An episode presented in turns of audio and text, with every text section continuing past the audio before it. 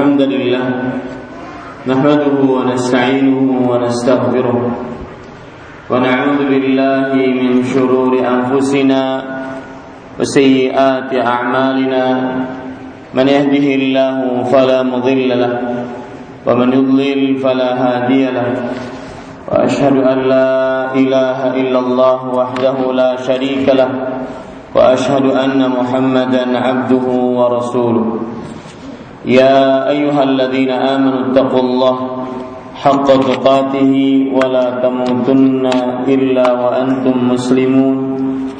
يا أيها الناس اتقوا ربكم الذي خلقكم من نفس واحدة وخلق منها زوجها وبث منهما رجالا كثيرا ونساء.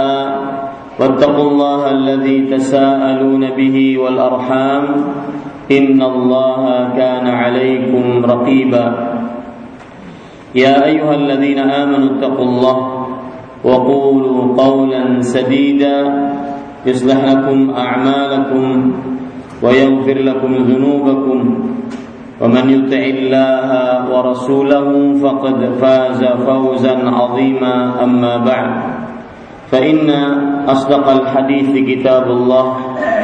وأحسن الهدي هدي محمد صلى الله عليه وعلى آله وسلم وشر الأمور محدثاتها وكل محدثة بدعة وكل بدعة ضلالة وكل ضلالة في النار الحمد لله kita bersyukur pada Allah Subhanahu wa taala pada hari ini hari Ahad malam 4 Zulqa'dah 1437 Hijriah kita duduk bersama mengkaji beberapa ayat suci Al-Qur'an dan hadis-hadis Rasul sallallahu alaihi wa ala alihi wasallam.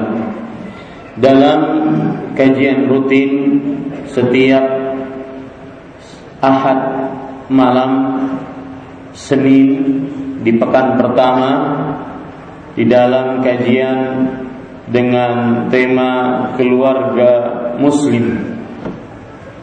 Salawat dan salam semoga selalu Allah berikan kepada Nabi kita Muhammad sallallahu alaihi wa ala alihi wasallam pada keluarga beliau, para sahabat serta orang-orang yang mengikuti beliau sampai hari kiamat kelak dengan nama-nama Allah yang husna dan sifat-sifat yang mulia kita berdoa Allahumma aslih lana dinana alladhi huwa ismatu amrina wa aslih lana dunyana allati fiha ma'ashuna wa aslih lana akhiratana allati fiha ma'aduna واجعل الحياة زيادة لنا في كل خير واجعل الموت راحة لنا من كل شر Wahai Allah, perbaikilah urusan agama kami yang merupakan benteng diri kami. Dan perbaikilah urusan dunia kami yang di dalamnya tempat tinggal kami. Dan perbaikilah urusan akhirat kami yang di dalamnya tempat kembali kami. Dan jadikanlah kehidupan sebagai tambahan bagi kami dalam setiap amal kebaikan. Dan jadikanlah kematian sebagai peristirahatan bagi kami dari setiap keburukan. Allahumma wa qudratika 'alal khalq ahyina ma 'alimtal hayata khairan lana wa tawaffana idza kanatil wafatu khairan lana. Ya Allah dengan ilmumu yang gaib dengan kekuasaanmu terhadap makhluk-makhluk maka hidupkanlah kami jika seandainya hidup tersebut baik untuk kami dan wafatkanlah kami. Jika seandainya wafat tersebut baik untuk kami. Allahumma wa nas'aluka khasyataka fil ghaibi wasyahadah ya Allah kami memohon kepada Engkau untuk selalu takut kepadamu baik di dalam keadaan tersembunyi ataupun di dalam keadaan terlihat manusia. Fir ridha wal ghadab. Wa nas'aluka al-qasda fil faqri wal ghina. Ya Allah, kami memohon kepada Engkau ucapan yang benar, baik tatkala marah ataupun tatkala senang. Baik dan kami mohon kepada Engkau untuk senantiasa hidup di dalam kesederhanaan. Baik tatkala Engkau menguji kami dalam keadaan miskin ataupun menguji kami dalam keadaan kaya. Bapak Ibu saudara-saudari yang dimuliakan oleh Allah Subhanahu wa taala, tema yang kita angkat pada kesempatan kali ini selalu berkaitan dengan keluarga muslim. Setiap Sabtu pekan pertama jadwal saya eh, setiap Ahad pekan pertama jadwal saya di Masjid Baitul Hikmah Universitas Lambung Mangkurat ini adalah yang berkaitan dengan keluarga muslim sehingga mungkin ustaz-ustaz di pekan kedua, pekan ketiga, pekan keempat bisa dengan disiplin ilmu yang lainnya. Tema yang kita angkat yang berkaitan dengan keluarga muslim adalah solusi problematika rumah tangga. Tema ini nantinya akan menyebutkan beberapa fatwa dari seorang ulama besar Syekh Abdurrahman Ibn Jibrin rahimahullah taala. Dan di dalam fatwa-fatwa tersebut terdapat berbagai permasalahan yang kerap sekali terjadi di tengah keluarga muslim, pasangan suami istri. Tetapi sebelum itu saya ingin memberikan mukaddimah Mukaddimah yang pertama harus diyakini baik-baik keluarga tidak akan pernah bisa sakinah, mawaddah dan rahmah sebagaimana yang ditunjuki di dalam surat Ar-Rum.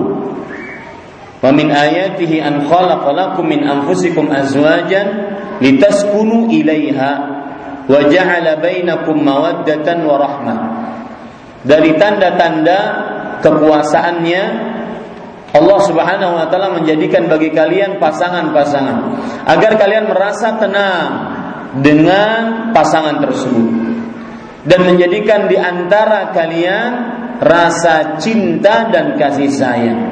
Sesungguhnya hal demikian terdapat tanda-tanda kekuasaan bagi kaum yang berfikir sakinah mawaddah dan rahmah yang tersebut di dalam ayat ini tidak akan pernah bisa tercapai, tergapai, tercipta dalam keluarga seorang muslim kecuali dengan dua syarat.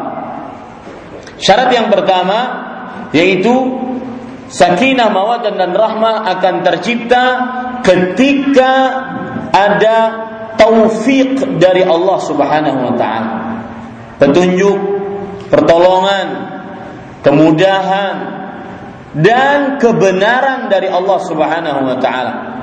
Kenapa demikian? Karena yang memberi petunjuk, yang memberikan kemudahan, ketenangan hati antara suami istri, kesenangan, kecintaan antara suami istri adalah Allah Subhanahu wa taala. Tidak akan tercipta samara, sakinah, mawaddah dan rahmah tanpa taufik dan kemudahan datang dari Allah Subhanahu wa taala. Siapa yang dimudahkan oleh Allah, maka pasti dia akan mendapatkannya. Siapa yang diberi petunjuk, keluarganya mendapatkan sakinah, mawaddah dan rahmah, maka pasti akan mendapatkannya. Coba perhatikan surah Al-Kahfi ayat 17. Allah berfirman, "Man yahdillahu fahuwal muhtadi." Wa man yudlil falan tajila lahu waliyan. Siapa yang diberi petunjuk oleh Allah, maka dialah yang mendapatkan petunjuk. Tetapi siapa yang disesatkan oleh Allah, maka ia atau kamu tidak akan pernah sekali-kali mendapatkan untuknya penolong dan pemberi petunjuk. Di dalam ayat yang lain, surat Yunus ayat 25 yang menunjukkan bahwa Allah lah sang pemberi petunjuk. Sehingga keluarga bisa sakinah, mawaddah dan rahmah. Allah berfirman dalam surat Yunus ayat 25, "Wallahu yad'u ila daris salam wa yahdi man yasha'u ila siratim mustaqim." Allah mengajak kepada kampung kedamaian yaitu surga dan memberikan petunjuk kepada siapa yang dikehendakinya ke jalan yang lurus. Oleh karena itu, karena hidayah satu-satunya di tangan Allah.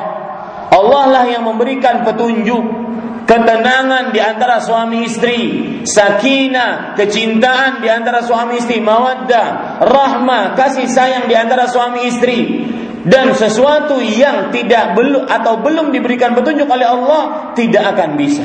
Kenapa? Karena Allah yang kuasa. Allahu ma sya'akan wa ma lam yasha' lam yakun wa wala haula wala quwata illa billah. Allah yang dikehendakinya pasti terjadi. Yang belum dikehendakinya tidak akan mungkin terjadi.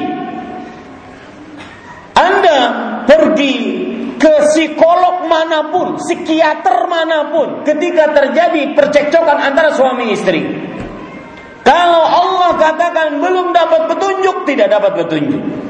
Kalau Allah hendaki belum rujuk, tidak akan pernah rujuk, tidak akan pernah damai. Pasti ada saja rintangannya untuk damai. Masya akan apa yang dikehendaki oleh Allah pasti terjadi. Wa malam yasha lam yakun yang belum dikehendaki oleh Allah tidak akan mungkin terjadi. La haula wa la quwata illa billah. Tidak ada kekuatan dan daya upaya kecuali dengan Allah Subhanahu wa taala. Oleh karenanya, karena Allah Subhanahu wa taala yang memberikan petunjuk, maka mintalah kepada Allah. Perbaiki hubungan dengan Allah. Tatkala kita menginginkan sakinah, mawaddah dan rahmah. Karena taufik biadillah di tangan Allah, hidayah, ketenangan, saling cinta, saling kasih mengasihi di tangan Allah Subhanahu wa taala.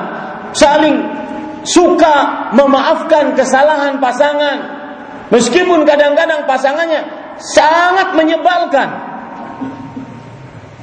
Maka sang suami atau sang istri bisa memaafkan pasangan satu dengan yang lainnya, itu tidak ada lain kecuali petunjuk dari Allah. Maka minta petunjuk kepada Allah. Maka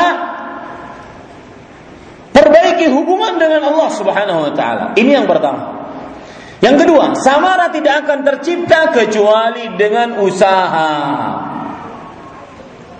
Seseorang yang menginginkan keluarganya sakinah, mawaddah dan rahmah, tetapi dia tidak usaha. Dia harus usaha, mengeluarkan tenaga, mengeluarkan pikiran, mungkin mengalahkan hawa nafsunya, mungkin mengalahkan amarahnya, harus usaha.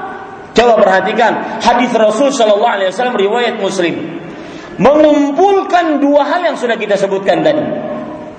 Jadi dua hal tadi apa? Petunjuk datang dari Allah, maka mintalah kepada Allah. Yang kedua, jika ingin keluarga sakinah, mawaddah dan rahmah, maka berusaha berusaha untuk tidak berbuat kasar kepada istri, sang istri berusaha melaksanakan kewajibannya, berusaha untuk menafkahi sang istri, sang istri berusaha untuk melayani suaminya dengan sebaik-baiknya. Harus ada usaha. Itu dua hal. Dua hal ini disebutkan oleh Rasul Sallallahu Alaihi Wasallam dalam hadis riwayat Muslim. Rasulullah Sallallahu Alaihi Wasallam bersabda, "Ihris ala ma yanfa'uk, wasta'in billah." Bersungguh-sungguhlah untuk mendapatkan sesuatu yang baik bagimu. Harus ada usaha. Dan usahanya mulai dari ketika kita mencari istri. Jangan asal cantik, jangan asal uh, bodinya sekian, jangan asal kaya, jangan asal begini, tidak. Tetapi lihat, Rasul sallallahu alaihi wasallam sudah menyatakan, "Fadhfar bidzatid din taribat yadak." Dahulukan yang punya agama, wanita yang beragama, maka taribat yadak. Taribat yadak itu artinya kalau dalam terjemahan letterleknya adalah pas tanganmu akan terpenuhi dengan pasir. Artinya itu adalah istilah orang Arab menunjukkan kepada keberuntungan. Di dalam suami mencari suami, jangan cuma modal sang suami sudah punya pekerjaan tetap, sang suami ganteng, sang suami begini tidak, tetapi lihat dua hal, agama dan akhlaknya. Idza ja'akum man taradawna dinahu wa khuluquhu. Hadis riwayat Tirmizi. Jika datang kepadamu laki-laki yang kamu ridha terhadap agama dan akhlaknya, maka nikahkan ia dengan anak perempuanmu. Illa takun fitnatun fil ard wa fasadun arid. Kalau tidak terjadi, kalau kamu tolak, maka akan terjadi kegoncangan di atas muka bumi dan kerusakan yang merata. Para ikhwah yang dirahmati oleh Allah Subhanahu wa taala harus ada usaha. Ihris ala ma yanfa'u. Usaha. Bersungguh-sungguhlah untuk sesuatu yang bermanfaat untukmu. Wasta'in billah dan minta tolonglah kepada Allah. Lihat, di sini Allah Subhanahu wa taala menggabungkan dua hal. Yang pertama, bersungguh-sungguh untuk sesuatu yang kita inginkan. Yang kedua, minta tolong kepada Allah Subhanahu wa taala. Para ikhwah yang dirahmati oleh Allah Subhanahu wa taala, kemudian perlu diperhatikan kalau seandainya anggap kita sekarang sebagai suami, kita menginginkan istri yang saleh. Perhatikan wahai para suami dan juga perhatikan para ibu-ibu saudari-saudari muslim. Lihat sifat pertama yang Allah Subhanahu wa taala sebutkan untuk istri yang salehah. Allah Subhanahu wa taala berfirman di dalam Al-Qur'an yang menunjukkan istri yang salehah yaitu surah An-Nisa ayat 34. Ini saya ingin mengulangi sebagaimana yang saya, saya sebutkan tadi bahwa samara tidak akan didapat kecuali dengan dua hal. Pertama, petunjuk dari Allah itu berarti kita harus minta petunjuk. Yang kedua, usaha agar bagaimana keluarga kita menjadi sakinah, mawaddah dan rahmah. Lihat perhatikan. Dua hal ini disebutkan oleh Allah dalam ciri istri yang salehah. Mudah-mudahan ini bisa ditularkan oleh para suami yang hadir di sini dan bisa juga dikerjakan oleh para saudari-saudari muslimah yang hadir di sini. Allah berfirman dalam surah An-Nisa ayat 34. Fasalihat qanitat hafizatun lil ghaibi bima hafizallah. Wanita-wanita yang saleh yang dengannya akan tercipta sakinah mawaddah dan rahmah adalah wanita-wanita yang qanitat. Apa arti qanitat? Di dalam tafsir Imam Nukathir rahimahullah, al-qunut idza utliqa la yadullu illa ala tulil qiyam. Kunut. Fasalihat wanita-wanita yang salihat adalah wanita-wanita yang sifatnya qanitat. Wanita-wanita yang kunut. Apa itu arti kunut? Kunut artinya adalah wanita yang senantiasa beribadah yang lama kepada Allah. Ahli ibadah, perbaiki hubungan dia dengan Allah. Itu hal yang pertama yang sudah kita sebutkan. Petunjuk datang dari Allah, maka mintalah kepada Allah, maka perbaikilah hubungan dengan Allah. Yang kedua yaitu fasalihat qanitat hafizatun lil ghaibi bima hafizallah. Hafizat wanita-wanita yang menjaga. Apa maksudnya menjaga? Hafizatun lil haq li haqqi zawjiha wa ba'liha fil ghaib. Dia menjaga dirinya kemaluannya, auratnya, tatkala suaminya tidak ada di rumah. Lihat mengumpulkan dua hal. Petunjuk datang dari Allah dan harus usaha. Ini harus Anda kenal baik-baik, terutama yang sering bertengkar dengan istrinya, sering cekcok dengan istrinya, sering keluar mulut dari mulutnya perkataan kasar, perkataan bahkan sampai talak. Ya, sebagian kadang-kadang laki-laki sukanya mengumbar kata talak. Awas sih kamu, benganga kutalak ya. Kenapa benganga kutalak? Ini para ikhwan yang dirahmati oleh Allah. Yang seperti ini, maka lihat dua hal tadi. Ingat baik-baik, petunjuk datang dari Allah, maka mintalah kepada Allah. Perbaiki hubungan dengan Allah. Yang kedua, dan saya pesan Pak, apa pun permasalahannya, sebesar apa pun.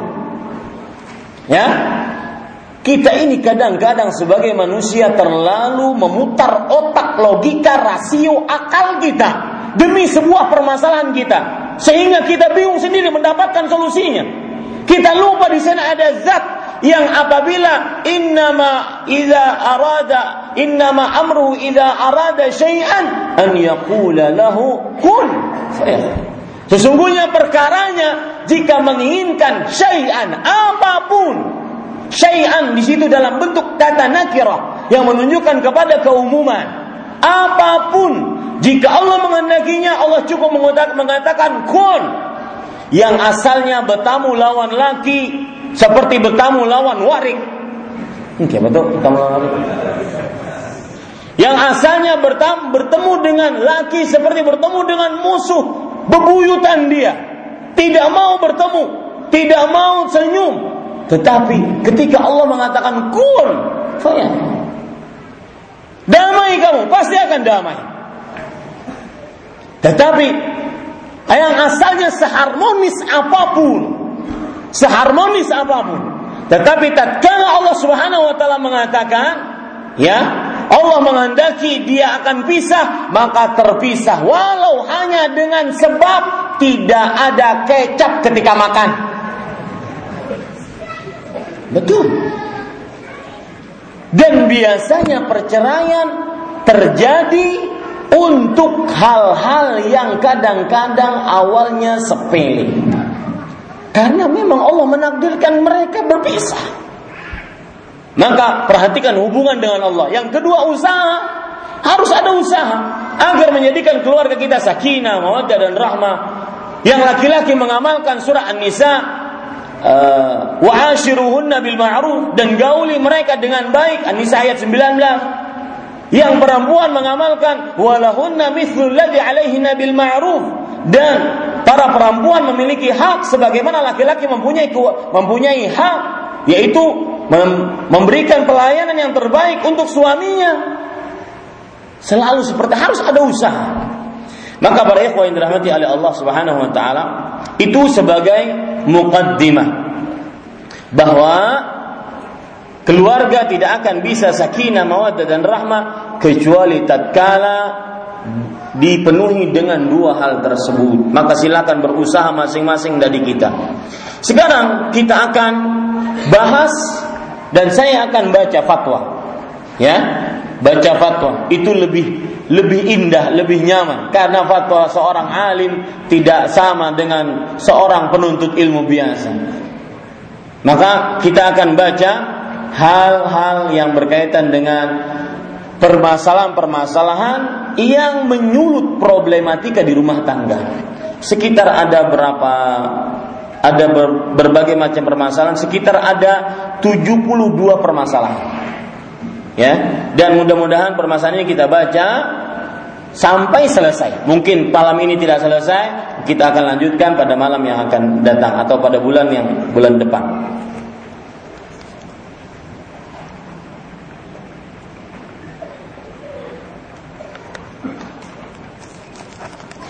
Para yang dirahmati oleh Allah Subhanahu wa taala, yang pertama Pertanyaan pertama berbunyi Zauji yashtari al-muqaddirat wa yata'ataha. Suamiku membeli, suka membeli minuman keras dan obat-obat yang memabukkan. Bagaimana solusinya? Syekh Ibnu Jibrin rahimahullah taala mengatakan la tasbiri ala ma'ahu ala hadhihi hal artinya jangan engkau sabar dengannya dalam keadaan seperti ini. Lihat perhatikan. Ya kalau seandainya seorang suami sudah kecanduan narkoba minuman keras maka Syekh mengatakan, la tasbiri ma'ahu ala hadhil hal. Jangan engkau sabar bersamanya dalam keadaan seperti ini. fa innahu sawfa yadhurruka wa yadhurru auladak. Sesungguhnya ia akan membahayakanmu dan membahayakan anak-anakmu. Fa alayka an tafdahihi wa tudli alaihi lajnat li lajnatil mukafahah. Maka engkau harus menyampaikan kepada pihak yang berwajib bahwa orang ini suami saya adalah orang yang suka memakai narkoba. Wa qabla dhalik dan sebelum itu kata beliau, akhbiri ahlahu wa ahlaki. In ra'au nasihatahu wa takhwifahu ajda فمتى لم يرتدع واستمع على أخلاق واستمر على أخلاقه وتعاطيه هذه المخدرات التي تقضي على العقل والبدن فإن البقاء معه لا يجوز Sebelum itu, sebelum engkau laporkan kepada pihak yang berwenang bahwa dia pemakai narkoba, maka beritahukan kepada keluarga. Keluarga dia dan keluargamu. Dan ini sering saya jawab. Jika ada yang curhat tentang suami atau tentang istri, maka saya katakan panggil keluarga keduanya. Silahkan berbicara sepuasnya, seterang-terangnya, setelah jelasnya. Karena itu yang disebutkan oleh Allah Subhanahu wa taala dalam Al-Qur'an bahwa apabila terjadi percekcokan di antara keluarga yang berkaitan dengan akhlak yang buruk terhadap suami ataupun akhlak yang buruk terhadap istri maka yang ada adalah harus didatangkan keluarganya dua-duanya untuk melakukan perdamaian ataupun berpisah dengan sebenar-benarnya. Kata Syekh, kalau seandainya hal itu bermanfaat, maka panggil.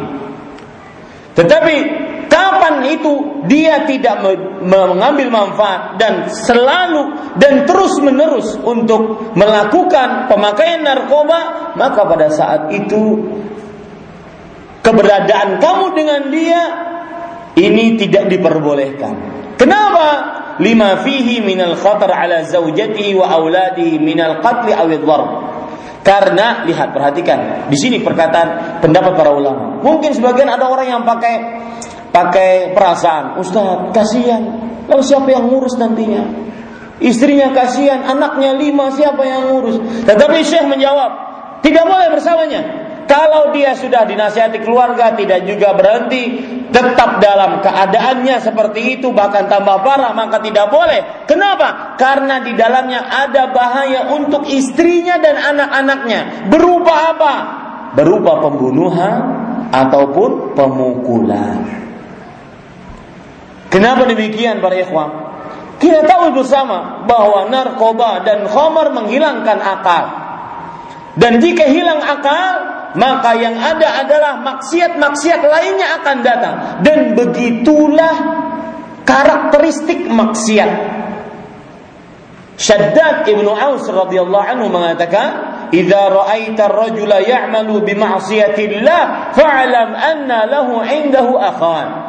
Jika engkau melihat seseorang bermaksiat kepada Allah, ketahuilah bahwasanya maksiat itu akan ngajak-ngajak saudari-saudari maksiat lainnya. Setelah hilang akalnya karena minum khamar ataupun karena makan narkoba, maka yang ada adalah dia melakukan kezaliman, kekerasan, kemungkaran, kriminal, yaitu membunuh, minimal memukul. Kemudian para ikhwan yang dirahmati oleh Allah Subhanahu wa taala, au 'alal mal min al-i'tilaf wal ifsad. Lihat, atau berbahaya terhadap harta karena dia bisa menghabiskan harta ataupun menghancurkan harta, baik rumah dibakar oleh dia ataupun uh, emas emas dicuri bagi oleh dia. Kenapa? Karena dia ingin membeli, karena sudah kecanduan. Subhanallah pak. Uh, mungkin empat bulan, lima bulan yang lalu datang ke rumah saya seorang seorang paman, keponakannya pemakai narkoba meminta saya untuk merukyah. Saya bilang, Pak, mohon maaf, bapak ibunya masih ada. Oh masih Ustaz, masih ada di pelihari. Maka saya katakan, rukyahlah bapak ibunya. Lebih utama dibandingkan doa saya. Mohon Ustaz, tidak Pak. Rasul SAW mengatakan seperti itu. Salatu da'awatin mustajabat la syakka fihin. Tiga doa yang tidak dikabul, yang tidak yang dikabulkan, tidak ada keraguan di dalamnya. Salah satu dari tiga doa tersebut adalah da'watul walidi liwaladi. Doanya orang tua untuk anak-anaknya. Beliau bercerita, Ustaz, pemakai narkoba keponakan saya tersebut sampai lihat hati-hati Jangan pernah kita yukhatir anfusana bi imanina. Kita nggak boleh taruhan dengan iman kita. Jangan nyoba-nyoba maksiat, Pak. Jangan nyoba-nyoba maksiat. Nanti yang ada adalah kecanduan. Kenapa, Pak? Maksiat itu kalau seandainya ada orang melakukan kesalahan di sebuah kantor, dia langsung akan dapat peringatan dari kepala kantor dari atasannya. Tetapi ketika orang bermaksiat, tidak ada peringatan langsung dari Allah. Itu yang membuat orang kecanduan. Beliau mengatakan apa? Ustaz, sampai rinjing-rinjing, sendok-sendok dijual. Coba, berapa untungnya? Lima ribuan, sepuluh ribuan. Hanya demi satu pil. Ini para ikhwan yang dirahmati oleh Allah Subhanahu wa taala. Makanya beliau mengatakan, "Au 'alal mal min al-i'tilaf wal ifsad." Atau berbahaya terhadap harta karena bisa menghancur harta, bisa merus merusak rumah, bisa mengambil uh, mencuri harta yang berharga. Walima fihi min al-israf wa sarfil amwal fima huwa darun ala sihah wa mudhibun lil aql wal ma'rifah. Karena di dalamnya juga terdapat berfoya-foya menghambur-hamburkan harta di dalam perkara yang berbahaya terhadap kesehatan dan menghilangkan akal dan pengetahuan. Perlu diketahui bersama, Bapak Ibu, mohon maaf yang masih merokok. Haram hukumnya. Ya. Haram hukumnya. Kenapa demikian? Karena dia menghancurkan akal. Dan akal salah satu tujuan syariat untuk dijaga. Di sana ada lima yang disebut oleh para ulama ad-daruriyatul khams. Lima perkara penting yang dijaga oleh syariat. Yang pertama agama. Yang kedua nyawa. Yang ketiga harta. Yang keempat keturunan. Yang kelima kehormatan. Lihat di sini nyawa. Semua perbuatan ucapan yang mem, yang mempertaruhkan nyawa diharamkan dalam Islam. Makanya Syekh mengatakan tidak boleh perempuan ini bersama laki-laki tersebut. Kenapa? Karena dia sudah menghambur-hamburkan harta yang berbahaya terhadap kesehatannya dan akalnya serta pengetahuannya. Sedangkan akal, nyawa itu sangat dijaga oleh syariat. Yang disebut tadi dalam bahasa usulul fiqh ad-daruriyatul khams. Apa saja yang menghilangkan akal, yang memabukkan akal, yang memusingkan akal maka diharamkan dalam Islam. Kemudian beliau mengatakan dan perlu diketahui Pak, semua dari kita akan ditanya tentang lima hal. Dalam hadis riwayat Tirmizi, Rasul sallallahu alaihi wasallam bersabda dari Abu Barza Al-Aslami radhiyallahu an, Rasul sallallahu alaihi wasallam bersabda, "La tazulu qadama 'abdin yaumal qiyamah hatta yus'ala عن عمره فيما أفنى وعن علمه فيما فعل وعن ماله من أين اكتسب وفيما أنفقه وعن جسمه فيما أبلاه tidak bergeser kedua telapak kaki seorang hamba sampai di hari kiamat sampai ditanya tentang umurnya dihabiskan untuk apa ilmunya dia amalkan pada apa hartanya didapatkan dari mana dan digunakan untuk apa yang kelima umurnya dia habiskan untuk apa atau badannya dia gunakan untuk apa dan kita ini orang muslim yang meyakini adanya akhirat, surga neraka, hisab, hari kebangkitan, pemberian buku catatan amal. Kita tidak seperti orang kafir yang mengatakan ini ya ilah hayatuna dunia. Tidak ada kehidupan kecuali kehidupan dunia. Namutu wa nahya, kita hidup mati sudah selesai. wa ma nahnu. Kita tidak akan dibangkitkan dari kiamat. Sebagaimana disebutkan oleh Allah dalam surah Al-Ahqaf. Kita tidak seperti itu cara berpikirnya. Kemudian beliau mengatakan, "Fafi fadihatihi jazrun lahu wa li amthali." Dalam melaporkannya ke pihak yang berwenang, itu terdapat pemberian peringatan keras untuknya dan orang-orang semisal dengannya. Walau ada dzalika ila sijni atau meskipun yang itu menyebabkan dia dipenjara ataupun diberikan hukuman Wa mata haddada bit talaq fala bas. Lihat Syekh kemudian mengatakan, kapan dia kalau kamu mengadukan ke pihak yang berwenang, kamu mengadukan kepada keluarga, kapan dia kemudian mengancam untuk talak, maka tidak mengapa. Inna iqa'at talaqi minhu aula minal baqa'i ma'ahu ala hadhil akhta. Sesungguhnya ditalak oleh suami seperti ini lebih utama dibandingkan bersama sang suami yang seperti ini. Azan? Ya, silakan azan dulu.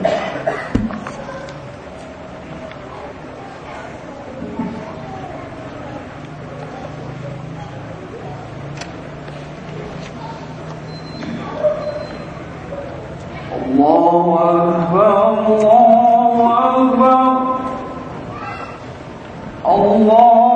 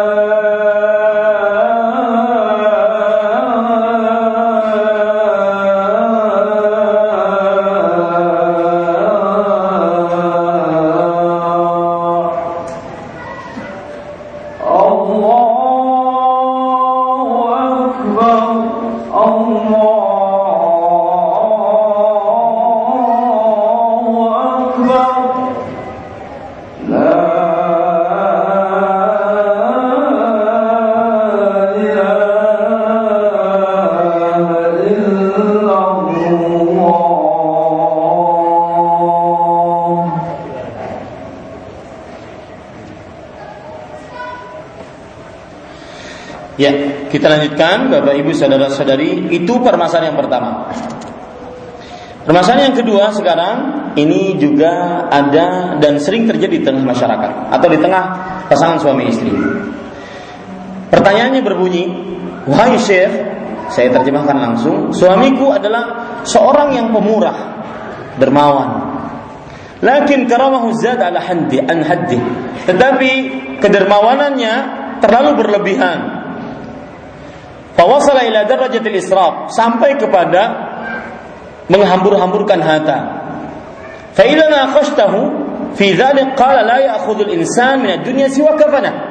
Tapi kalau kamu diskusi dengan dia, ini terlalu berlebihan, ini terlalu begini, ini terlalu uh, banyak, ini terlalu menghambur-hamburkan harta, bahkan sampai perkara sedekah.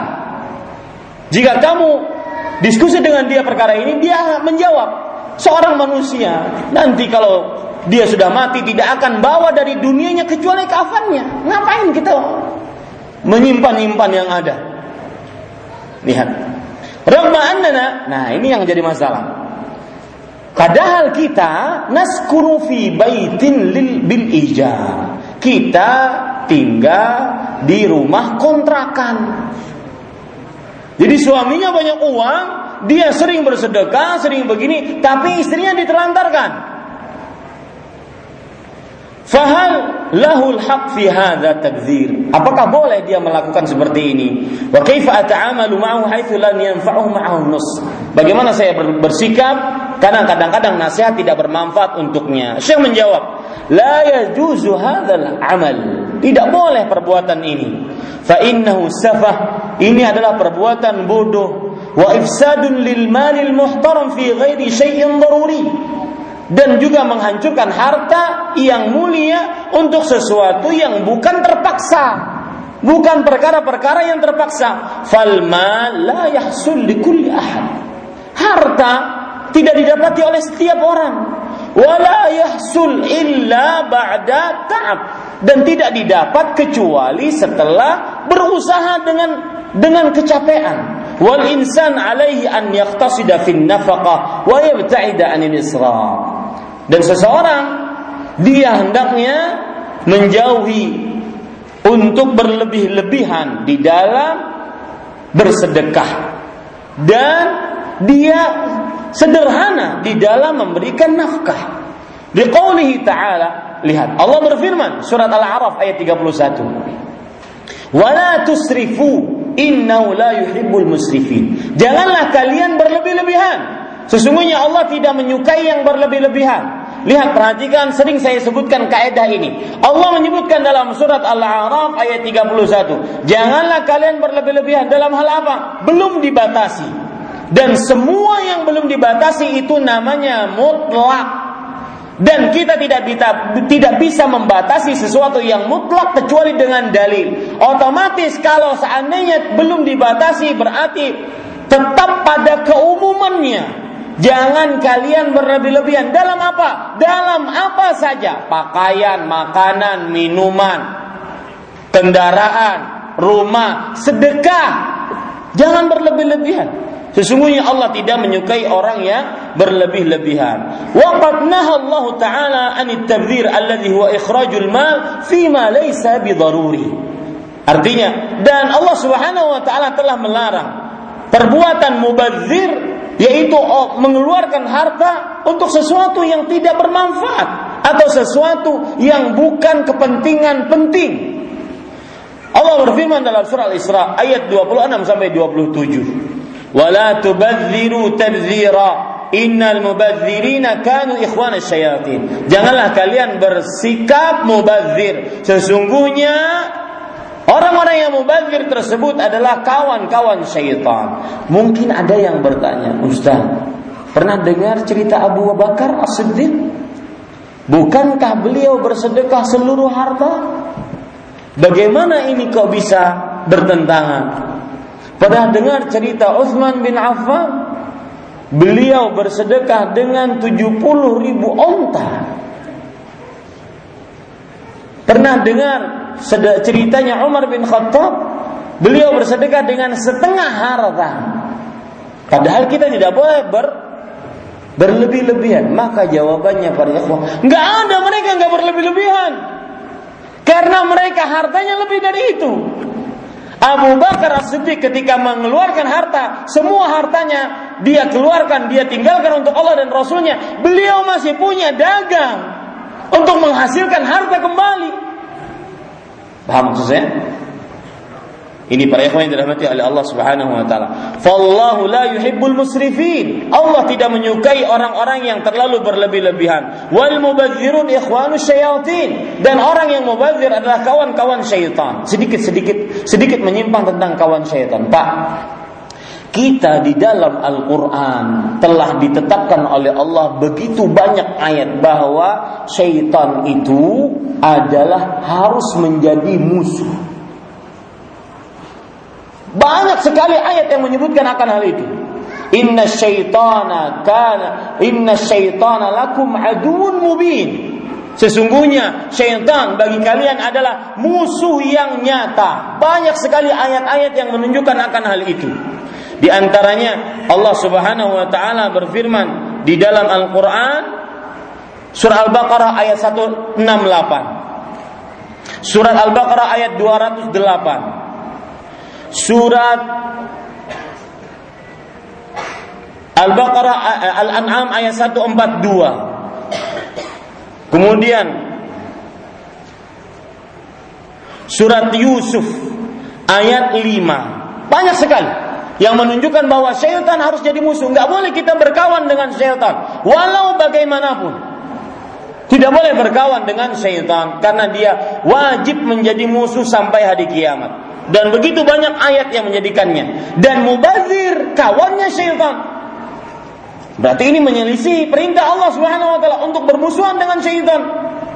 Wal insan yahfadhu malahu lihajati dan sedikit lagi menyinggung tentang uh, bermusuhan dengan syaitan. Salah satu bentuk bermusuhan dengan syaitan adalah membuat syaitan sedih, membuat syaitan menangis, membuat syaitan lari, terbirit-birit, takut. Seperti misalkan kalau azan. Syaitan mendengar azan dia akan lari sambil mengeluarkan kentut yang besar bunyinya sehingga dia tidak mendengar azan. Maka di situlah keutamaan orang yang mengumandangkan azan. Kemudian seperti membuat syaitan sedih, memojokkan diri, kemudian menangis, terseduh-seduh. Kapan itu? Kalau lagi baca Quran, kemudian ada ayat sajadah atau ayat sujud tilawah yang jumlahnya di dalam Al-Quran menurut pendapat yang lebih kuat 15 ayat. Maka orang sujud. Rasulullah SAW bersabda, "Idza qara'a ibnu Adam sajdata fasajada i'tazala asy-syaitanu yabki." Faqala Ya waili umira ibnu Adam bisujud fasajada falahul jannah wa umirtu bisujud fali fa abaitu faliyannar. Artinya jika seorang anak Adam membaca surat As-Sajdah ataupun ayat-ayat yang berkaitan dengan sujud tilawah, kemudian dia sujud, maka syaitan lihat bermusuhan dengan syaitan seperti ini. Syaitan kemudian menyendiri kebuncuk sambil menangis. Membuat dia sedih. Kemudian dia mengatakan, "Celaka aku. Anak Adam diperintahkan untuk sujud, lalu dia sujud, maka baginya surga." Sedangkan aku diperintahkan untuk sujud lalu aku enggan. Kapan itu terjadi? Ketika Adam diciptakan. Kemudian Allah memerintahkan untuk sujud, lalu iblis tidak mau sujud. Maka aku enggan, maka bagiku neraka. Begitu cara bermusuhan dengan syaitan. Contoh yang lain lagi, cara bermusuhan dengan syaitan dalam kehidupan kita sehari-hari. Bangun subuh, setiap orang yang tidur itu se semua dari kita ya sebagaimana hadis riwayat Bukhari. Inna syaitan yaqidu ala qafiyati ra'si ahadikum idza huwa nam. Sesungguhnya syaitan mengikat di kepala salah seorang dari kalian jika dia tidur. Thalatha uqad, tiga ikatan kullu uqdatin yanfuthu fi yanfuthu fiha urqut lailun tawil. Setiap ikatan dia jampi-jampi dengan bacaan wahai fulan tidur. Malam panjang. Wahai fulan tidur. Malam panjang. Wahai fulan tidur. Malam panjang. Fa idza staiqawa wa dzakara ismallah in hallat uqdah. Kalau dia bangun pagi kemudian menyebut nama Allah membaca doa bangun pagi maka terlepas satu ikatan. Kalau seandainya dia berwudu, maka terlepas ikatan yang lain. In Kalau seandainya dia salat subuh, maka terlepas tiga ikatan. Kalau sudah seperti itu, bangun pagi baca doa, kemudian wudhu, kemudian sholat subuh pada waktunya, maka di pagi hari dia akan penuh dengan kenyamanan jiwa. Ini cara bermusuhan dengan syaitan. Wa illa asbaha kaslana khabithan nafs. Kalau tidak, maka dia akan menjadi seorang yang pemalas dan perasaannya buruk pada hari itu. Cara bermusuhan dengan syaitan seperti itu. Maka lihat orang-orang yang mubazir, dia kawannya syaitan berarti dia tidak bermusuhan dengan syaitan. Wal insan yahfadhu malahu li hajati. Dan seseorang menjaga hartanya untuk hajatnya. Wa yahdisu ala ta'mini sakanihi wa hajati iyalihi min ba'di. Dan bersungguh-sungguh untuk mengamankan tempat tinggalnya, keperluan keluarganya sepeninggal dia nanti kalau dia mati. Ini sebagaimana disebutkan oleh Rasul SAW ketika ada seorang sahabat Nabi yang bernama Sa'ad bin Abi Waqqas radhiyallahu anhu. Sa'ad bin Abi Waqqas. Beliau waktu itu sakit keras. Kemudian beliau cuma memiliki satu anak perempuan. Beliau mengatakan kepada Rasulullah, "Ya Rasulullah, inna li malan katsiran wali ibnatun." Wahai Rasulullah, aku punya harta banyak dan aku cuma punya anak perempuan. Anak perempuan ini cukup sedikit nanti juga dia diambil diambil istri dari dari orang, dinafkahi orang lain. Maka aku ingin bersedekah dua per tiga dari hartaku. Kata Rasulullah SAW, nggak boleh. Kemudian kata Rasulullah SAW, eh, kata Sa'ad bin Abi Waqqas, kalau begitu setengah, tidak boleh. Kalau begitu sepertiga kata Rasulullah SAW, wa Boleh sepertiga. Itu pun sudah banyak. Kemudian beliau menyebutkan sebuah testimoni. Beliau mengatakan, "Innaka tada an tada'a warathataka aghniya khairun min an tada'a fuqara'a yatakaffafuna an-nas." Sesungguhnya engkau tinggalkan ahli warismu dalam keadaan berkecukupan itu lebih utama dibandingkan engkau meninggalkan dalam keadaan fakir miskin meminta-minta menjadi penyakit di tengah masyarakat. Tetapi bukan berarti kita kemudian berlomba-lomba untuk itu dan semuanya hanya terfokus pada itu. Kumpulin apa, kumpulin emas, kumpulin perak untuk anak nantinya. Kayak apa mau aku matikan siapa biayanya? Lupa dia bahwa ada hal yang perlu ditanamkan juga terhadap anak, yaitu takwa kepada Allah Subhanahu wa taala. Lebih utama dibandingkan hanya sekedar menyediakan sandang pangan untuk anak dan istri. Kemudian ada pertanyaan dari eh, sesuatu yang dari pertanyaan tadi belum dijawab. Apa itu? Bukankah dia mempunyai hujah yang kuat? Manusia kalau mati tidak bawa cuma kain kafannya. Maka Syekh menjawab, "Walau kana la yadhhabu min mali illa bikafani, fahuwa manhiyun 'anil ifsad fil mat'am wal mashrab wal bas wal, wal markab wa sairin nafaqat az-zaidah an qadril hajah." Dan kalau seandainya orang tersebut mengatakan bahwa saya tidak akan pergi kecuali dengan kain kafan, semuanya akan ditinggal di dunia, maka kita katakan kata beliau, tetap dia dilarang untuk menghancurkan hartanya, makanan, minuman, pakaian, transportasi dan seluruh nafkahnya dilarang dia menghambur-hamburkannya tanpa ada sesuatu yang terpaksa. Ini Bapak Ibu, saudara-saudari yang dimuliakan oleh Allah Subhanahu wa taala. Permasalahan yang ketiga. Uyuh sudah? Hah? Belum. Kalau Permasalahan yang ketiga. Istri bapakku suka menuduhku tidak-tidak. Nah, ini banyak ini terjadi permasalahan.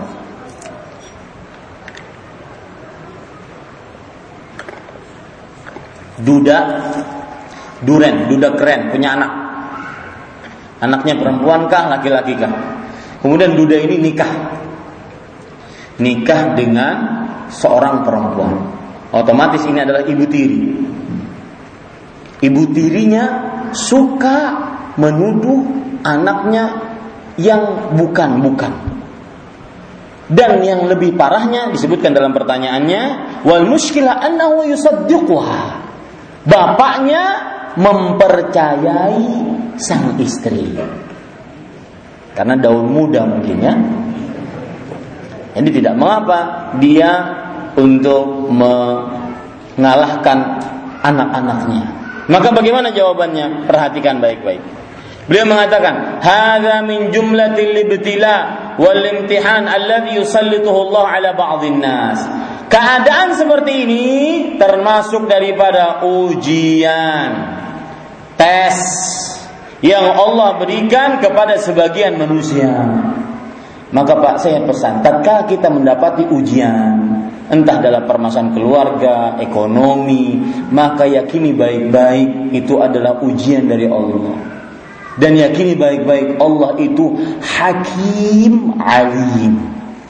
Maha bijaksana dan maha mengetahui.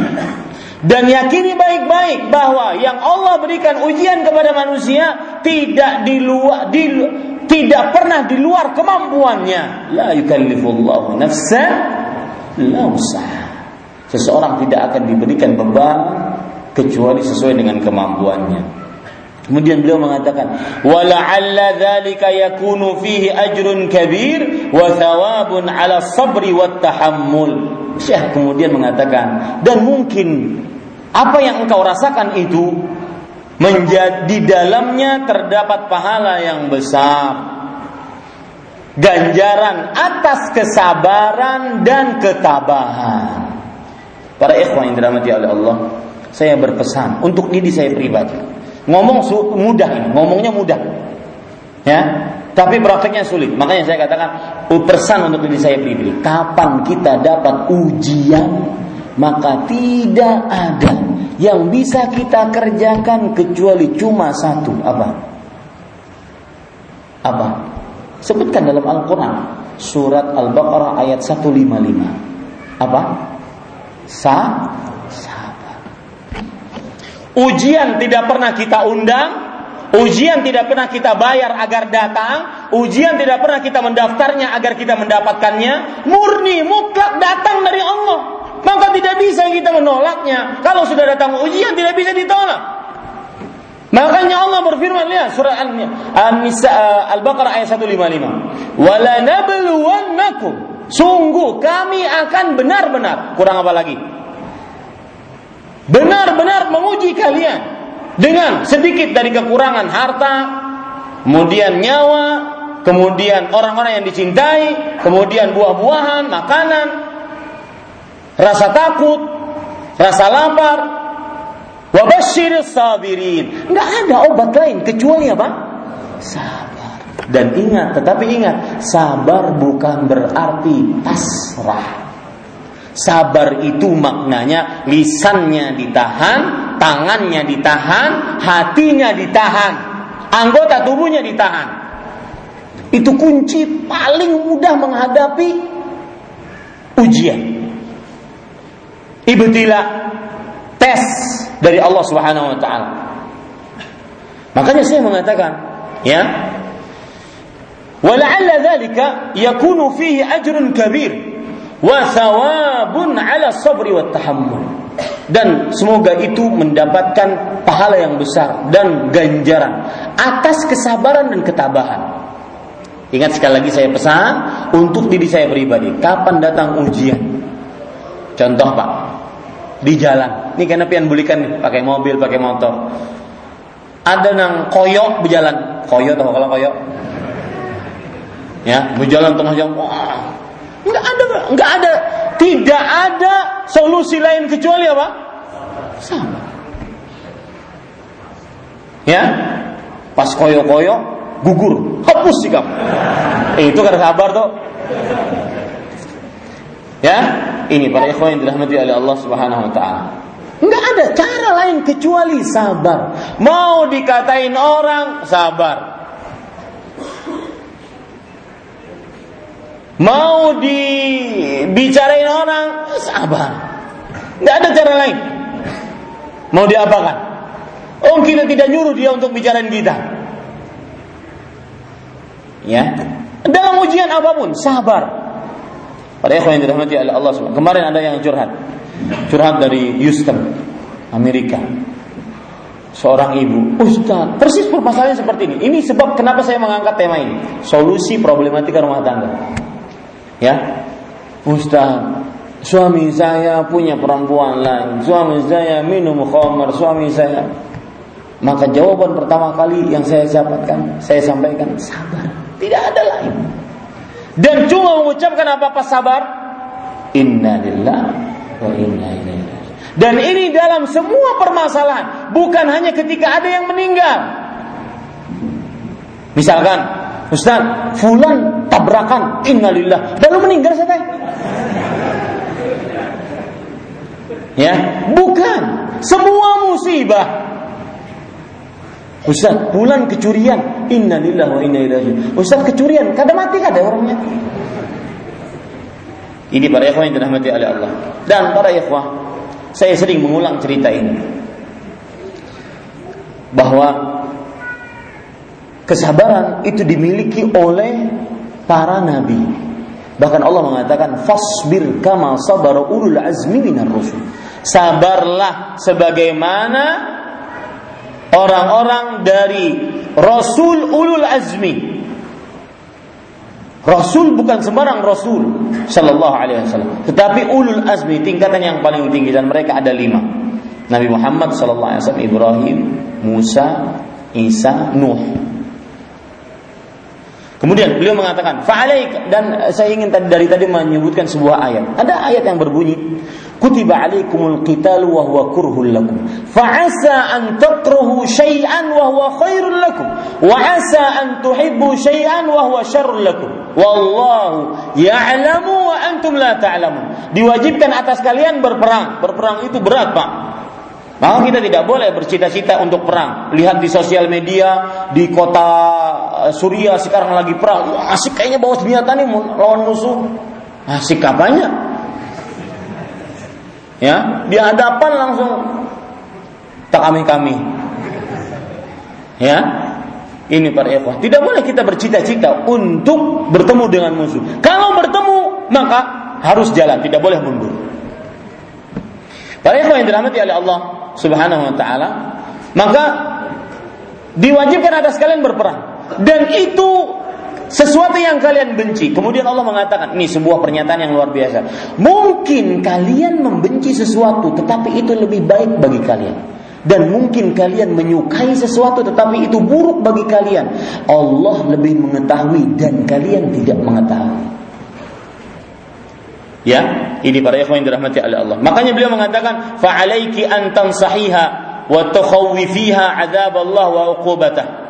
Maka hendaknya engkau menasehati ibu tirimu dan memberikan peringatan terhadap siksa Allah Subhanahu wa taala dan azabnya. Sesungguhnya Allah azizun dzuntiqam. Sesungguhnya Allah Maha Kuasa dan maha pembalas dendam. Tetapi tentunya memberikan nasihat seperti ini tidak seperti kita memberikan nasihat kepada anak kecil. Ya, memberikan nasihat kepada orang tua tidak seperti kita memberikan nasihat kepada anak kecil ataupun kawan se se leting kita, sepantaran kita. Wa alaiki ma'adzalika an tuhsini isyrataha wa suhbataha. Dan meskipun demikian, setelah menasehati, engkau tetap berbuat baik, berhubungan dengannya, berkelakuan dengannya. Watatahasha adaha dan jauhi menyakitinya. Ini sifat seorang muslim. Taubat tidak boleh dibalas dengan taubat. Ya. Watadfa'i as-sayyi'ata bil hasanah dan balas kesulitan dengan kebaikan, eh, keburukan dengan kebaikan. Wa tukhaliqiha bi khuluq dan berakhlak yang, yang baiklah kepadanya. Raja'an tarji' ila nafsiha wa ta'rifa khata'aha. Berharap agar sang ibu tiri tersebut dia mengoreksi dirinya dan mengetahui kesalahannya. Fahsini ilaiha walau asa'at. Dan berbuat baiklah kepadanya meskipun dia telah dia telah berbuat buruk kepadaku. Bukankah kemarin waktu Syekh datang di Masjid Hasanuddin Majdi, Syekh menyebutkan tentang silaturahim. Ada hadis menarik. Beliau mengatakan ada seorang pemuda datang kepada Rasulullah SAW. Pemuda ini mengatakan, Ya Rasulullah, wahai Rasulullah, sesungguhnya aku punya kerabat. Mereka berbuat buruk kepadaku dan aku berbuat baik kepada mereka. Mereka memutuskan hubungan denganku. Aku berusaha menghubungkan mereka. Maka beliau mengatakan, Rasulullah Shallallahu Alaihi Wasallam bersabda, kalau seandainya engkau melakukan seperti itu, nama yusif yusifuhumur ramal. Seakan-akan kamu memasukkan pasir panas ke dalam mulutnya. Jadi tetap walaupun mereka tetap berbuat buruk maka gauli mereka dengan baik. Kemudian Syekh mengatakan wasiliha walau qata' qata' dan sambunglah hubungan meskipun dia memutuskan hubungan denganmu. Wamsahilaha walau khanat dan berbuat baiklah dan amanahlah kepadanya meskipun dia mengkhianatimu.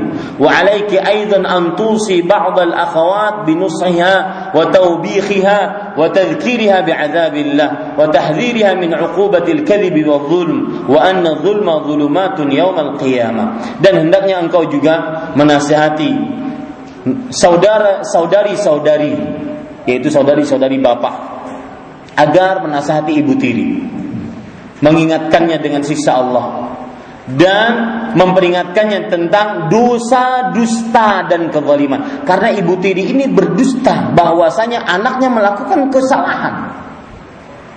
Maka ingatkan tentang dosa dusta dan para ikhwan sifat yang sangat terkenal dari kaum munafik dusta maka seorang mukmin tidak pantas berdusta Walau kana mazihan, meskipun dalam keadaan ber, bercanda. Rasulullah SAW bersabda, Ana dhaminun bi baitin bi rabadil jannah liman taraka al-kadhiba walau kana mazihan. Aku menjamin sebuah rumah di tengah surga, di dalam kebun-kebun indah di dalam surga. Bagi siapa yang meninggalkan dusta walaupun dalam keadaan bercanda. Nggak boleh Pak bercanda. Nah, timbul pertanyaan, Ustaz, kalau bahasa basi itu dusta enggak? Misalkan ada tetangga lewat, Oi, termasukkah? Sekali tetangganya mau, ih masuk ilun. Bingung tuh orang manjai. Ya, apakah ini termasuk dusta? Tergantung niatnya. Innamal a'malu. Sesungguhnya amalan-amalan tersebut dengan niatnya. Kalau dia memang hanya sekedar basa-basi, maka itu berarti dusta. Tapi kalau memang ingin mengajak dalam artian diajak tetapi tidak sekuat seorang ingin benar-benar mengajak. Kalau kalau e, mampir alhamdulillah kita bisa sediakan kalau tidak mampir juga tidak mengapa. Maka ini tidak mengapa. Yang ber, yang termasuk dusta adalah seseorang tadi mengajaknya dalam keadaan memang tidak ingin mengajaknya. Dan subhanallah, kemudian beliau mengatakan dan ingatkan kepada beliau siksa orang yang berbuat zalim. Dan hati-hati Pak. Saya berpesan tentang kezaliman untuk diri saya pribadi. Hukukul adamiyin mabniyatun 'alal musyahah. Di sini kadang-kadang ahli ibadah terperosok. Hak-hak manusia dibangun di atas saling meminta. Mungkin dia ibadah, ahli ibadah di dalam kehidupannya. Ahli sholat malam, sedekah, puasa sunnah, ya bahkan puasa sunnah kadang-kadang Senin Kemis, kemudian hari-hari uh, apa namanya hari-hari putih, ya ayamul bil, puasa sunnah, ahli sedekah, tetapi dia suka mendolimi orang lain dengan lisannya, dengan tangannya, dengan kelakuannya, dengan isyaratnya, maka orang-orang ini yang terperosok habis nanti pahalanya. Kalau dia tidak minta halal. Maka perhatikan Rasulullah SAW bersabda, "Wa anna zulma zulumatun yaumal qiyamah." Dan ketahuilah, sebuah kezaliman mendatangkan kegelapan-kegelapan di hari kiamat. Padahal di hari kiamat kita sangat me, me, membutuhkan, memerlukan cahaya.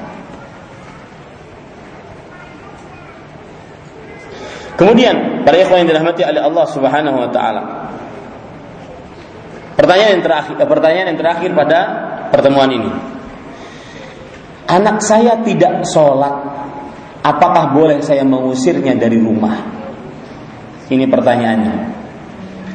Otomatis kalau diusir dari rumah anak ini adalah berarti anak yang sudah balik.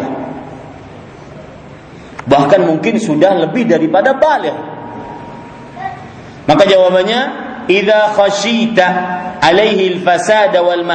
al-mukhawwifa ka wuqu'i fi syurb al-muskirat aw ta'ati al-mukhaddirat aw fi fawahish zina wal liwa wa nahwi dhalik fala tatruduhu." Jika engkau takut terhadap anakmu tambah rusak, tambah masuk ke dalam hal-hal yang terlarang seperti minum khamar, kemudian makai narkoba, masuk ke dalam perbuatan zina ataupun melakukan homoseksual atau lesbian, maka jangan engkau usir dari rumahmu. Kenapa Pak? Pertanyaannya kok begitu sangat? Enggak sholat diusir. Apa sebabnya Pak? Karena perihal sholat khotir, bahaya. Orang yang tidak sholat hukumnya apa? Kafir, meninggalkan sholat kekufuran. Rasulullah SAW bersabda dalam hadis riwayat Imam Muslim, "Al-ahdu alladhi bainana wa bainahumus salah." Atau bainar rajuli wasyirki wal kufri tarku salat. Jarak antara seseorang dengan kesyirikan dan kekafiran adalah meninggalkan salat. Dalam riwayat Tirmizi, bainar rajuli wasyirki uh, tarkus salat. Faman tarakaha faqad kafar. Perjanjian antara kami dengan mereka adalah meninggalkan salat. Siapa yang meninggalkan salat maka dia sudah kafir. Nanti terjadi perbedaan pendapat di antara ulama apakah meninggalkan sekali kafir Kafirnya apakah keluar dari Islam atau kafir duna kufur dosa besar yang lebih besar daripada menzinai ibunya kemudian dia cincang-cincang tubuh ibunya dia goreng dia makan Apakah lebih parah dari itu? Maka jawabannya para ikhwah, wallahu a'lam. Saya lebih condong kepada pendapat bahwa kafir keluar dari Islam, yang meninggalkan sholat keluar dari Islam. Makanya beliau orang tua ini mengatakan, anak saya tidak sholat, bolehkah saya usir dari rumah? Karena profesornya khotir bahaya.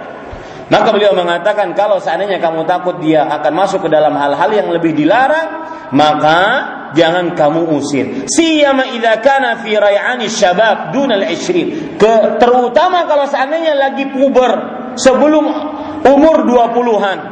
Fa fasada ilaihi sari'un li idrakih. Lihat ini. Anak-anak eh, orang tua yang mempunyai anak-anak yang sebelum 20. Syekh mengingatkan sesungguhnya kerusakan yang menimpa anak tersebut sangat cepat. Kenapa? Karena dia kurang pengetahuan yang mendalam. Kurang pemikiran yang mendalam. Wandifa'uhu ilal mughayyirat dan sering sekali berubah-ubah. Anak Pak ketika sudah mulai dari umur 15 sampai sebelum 20 itu dia mencari jati diri. Itu yang disebutkan oleh Syekh. Melihat orang seperti ini hendak jual. Orang seperti ini hendak jual. Ya, itu itu yang dilakukan. Wa adamu fahmi lil akhtar dan dia tidak paham untuk bahaya yang menimpa dia. Wa ala hadza fa alayka an tadribahu ala salah. Oleh sebab itu maka boleh kamu untuk memukulnya.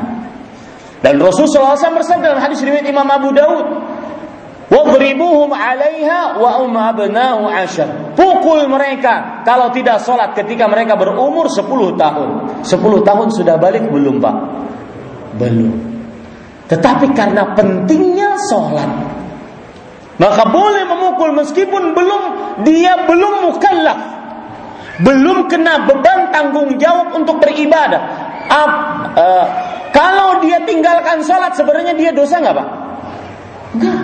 Tapi karena pentingnya sholat dalam Islam, Kemudian penulis uh, Syekh mengatakan wa idza lam yaqbal farfa amrahu ila markazil ai'a Thumma fil marrati thaniyah yu'aqibu bisijnin wa nahwi dhalik. Wa alaihi mualatu man yansahu wal hirsu ala an yattasila bihi syabab al mustaqim. Uh, ini jawaban Syekh di Arab Saudi. Kata Syekh kalau seandainya dia masih tidak sholat maka adukan kepada polisi keagamaan di sana. Gitu mungkin di sini tidak ada. Ya? Diadukan kepada siapa? Satpol PP Susah ya. Nah, kemudian beliau mengatakan dan pada saat itu hendaknya dicarikan kawan-kawan yang lurus, yang istiqamah. Fahum aqrabu ila an yu'athiru alaihi wa yarudduhan al Karena kawan-kawan sejawat yang sepantaran, yang satu letting itu lebih didengar oleh dia dibandingkan kadang-kadang orang tuanya pada umur anak sekian.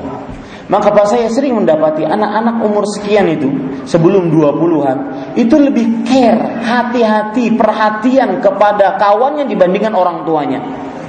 Orang tuanya masuk rumah sakit, dia biarin. uh, kawannya sakit, dia inepin. Bujur kadang? Hah? Bujur pengalaman. Ya, ini pada ikhwan yang dan pada ikhwan ada pepatah Arab mengatakan as-sahibus sahib. Kawan itu yang menarik. Ya, kawan itu yang yang menarik. Berapa banyak kita dapati orang-orang yang asalnya sudah bertobat dari narkoba, dari meninggalkan yang maksiat, tetapi kembali lagi. Kenapa? Karena ketemu kawan lama. As-sahibus sahib. Makanya di hari kiamat. Perhatikan baik-baik. Di hari kiamat orang-orang yang mempunyai teman yang menyesatkan akan menyesal. Surat al-furqan ayat 28 ya wailata laitani lam attakhidh fulanan khalila. Alangkah celakanya aku. Coba ketika aku di dunia tidak menjadikan si fulan sebagai kawan. Maka para ikhwah, inti dari jawabannya adalah pertama, nasihati. Kemudian yang kedua, yaitu seseorang boleh memukulnya kalau lebih daripada 10 tahun. Dan ingat, pukulan tersebut bukan untuk balas dendam. Pukulan tersebut tidak boleh dilakukan pada saat marah. Pukulan tersebut tidak boleh di bagian vital manusia, wajah, kemaluan, tidak boleh. Pukulan tersebut tidak boleh lebih dari 10 kali. Pukulan tersebut tidak boleh menyakitkan. Bahkan Abdullah bin Abbas mengatakan pukulan tersebut maksudnya adalah pukulan ghairu mubarrih, pukulan yang tidak membekas. Tidak membekas, beliau contohkan bagaimana seperti kayu arok, kayu siwak. Ya, siwak. Kalau di sini mungkin lidi. Apa sakitnya Ustaz? Karena bukan itu yang dituju. Tujuannya adalah memberikan peringatan kamu salah. Ini para ikhwah, itu yang bisa kita sampaikan. Berapa masalah tadi? Empat. Mudah-mudahan bermanfaat. Insya Allah Taala pada pertemuan yang akan datang eh, kita akan bahas salah satu pertanyaan yang lain yaitu suamiku mempunyai akhlak yang buruk, suka berhubungan dengan wanita-wanita di sosial media. Nah, ya.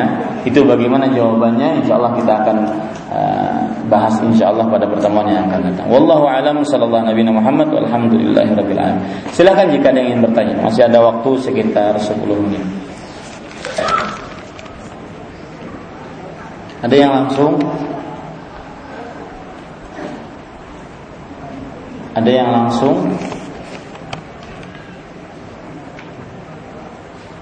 Silahkan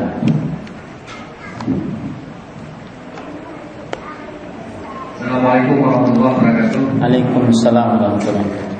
Uh, kalau kita sudah rumah tangga mau kembali memulai rumah tangga misalnya, kadang-kadang ada dari entah dari pihak suami entah dari pihak istri yang ikut numpang dengan kita. Uh, bagaimana Islam uh, memberikan uh, aturan yang jelas tentang hal itu karena biasanya banyak terjadi konflik antar suami dan istri disebabkan oleh hadirnya anggota keluarga dari salah satu istri ataupun suami. Dan seringnya yang paling banyak terjadi adalah kalau yang ikut numpang itu justru dari keluarga suami itu terjadi konflik sangat besar ipar ipar ya. Ketimbang keluarga yang sakit di rumah itu adalah dari pihak istri. Terima kasih Ya. Bismillah, Alhamdulillah, wassalatu wassalamu ala rasulullah, jazakumullahu khairan Maka jawabannya, tidak ada jawaban lain Pak Kecuali harus mengerjakan apa yang disebutkan oleh Rasul Wasallam di dalam adab-adab tentang menjaga aurat dan menjaga kesucian.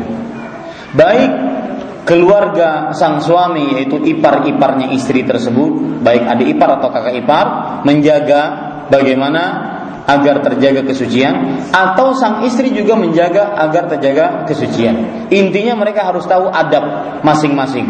Sang ipar harus tahu adab, sang istri harus tahu adab. Contoh,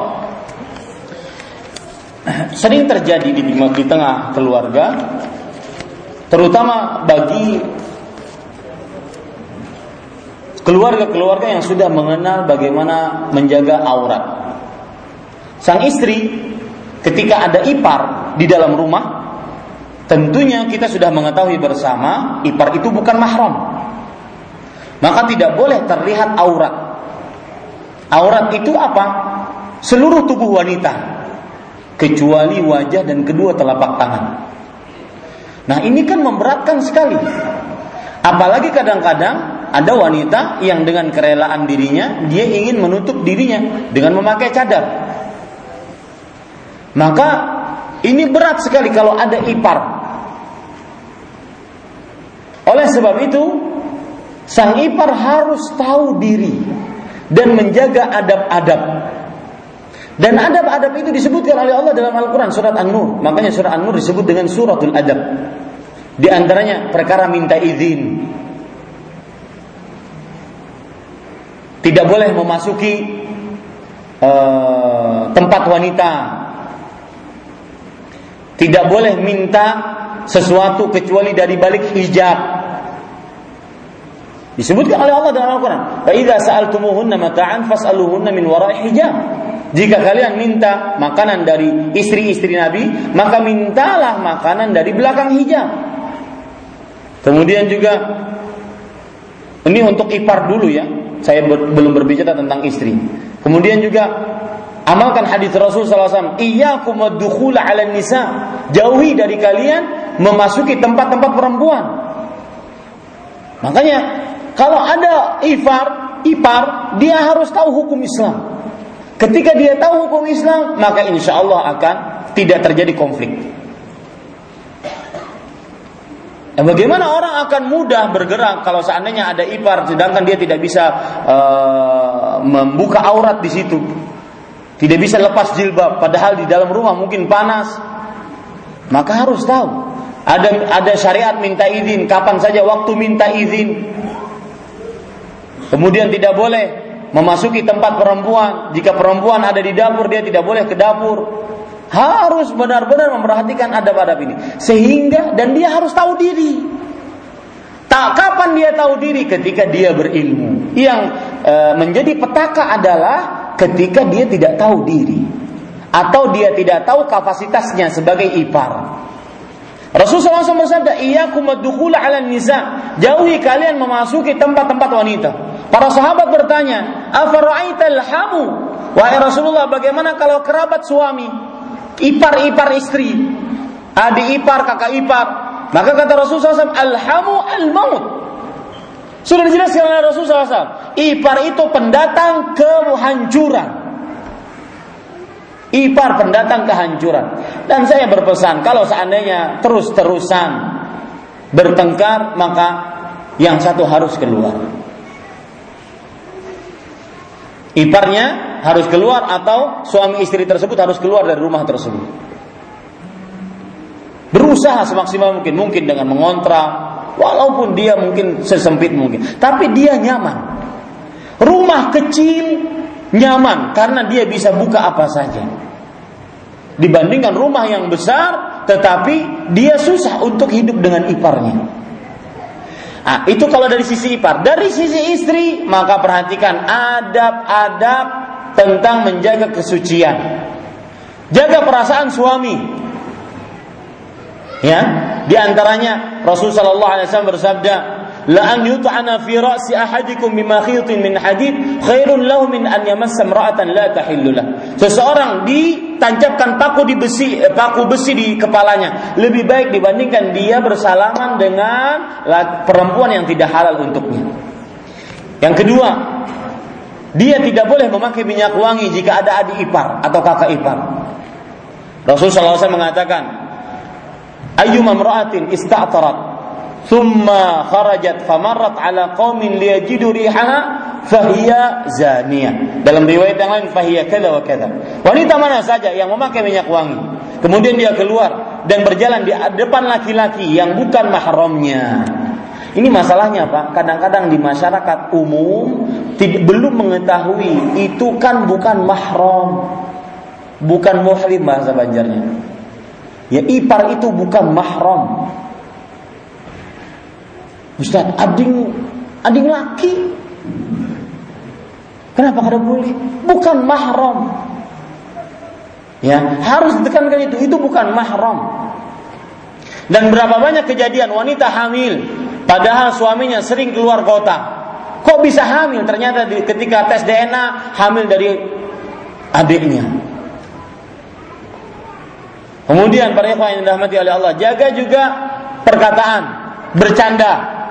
Sering sekali ini ya, istri-istri kadang-kadang menyakiti perasaan suaminya. Bercanda dengan adik ipar yang terlalu berlebihan. Bukan berarti kita harus merangut dengan adik ipar. Tetapi tidak boleh bercanda yang terlalu berlebihan. Kadang-kadang bercanda dengan adik ipar tidak tidak seluas bercanda dengan suaminya. Dan ini juga perhatian kepada para suami dan saya pesan, begitulah langkah syaitan. Kadang Pak seorang suami SMS perempuan itu lebih indah dibandingkan kepada istrinya. Istrinya kada pernah dia lakukan seperti itu. Tidak pernah dia ucapkan, sayangku, I love you full. Sedangkan wanita lain yang tidak bukan adik, bukan kakak, bukan paman, bukan bibi, bukan bukan saudara. Ya, SMS tengah malam. Assalamualaikum. Mohon maaf, sudah bangun kata tahajud. Kado usah dijawab ada papa. Alasan gombal. Tapi menghadangi sampai subuh karena dijawab sidin juga tanya. Alhamdulillah. Dan saya berpesan Pak, sebesar pengkhianatan kita terhadap istri kita yang halal, sebesar itu gugur rasa cinta kita terhadap dia. Manis kelak. Manis Ustadz Pian ini penyayang mohon istri. Ada kisah Pak. Waktu daurah kemarin di Batu ada yang mengisi Syekh Sulaiman bin Salimillah Ar-Rahim. Beliau di dalam biografi beliau ditulis status sosial. Maka beliau mengatakan saya sudah berkeluarga. Dalam bahasa Arabnya ana mutazawwid, sudah berkeluarga. Wa muwahhidun khaif.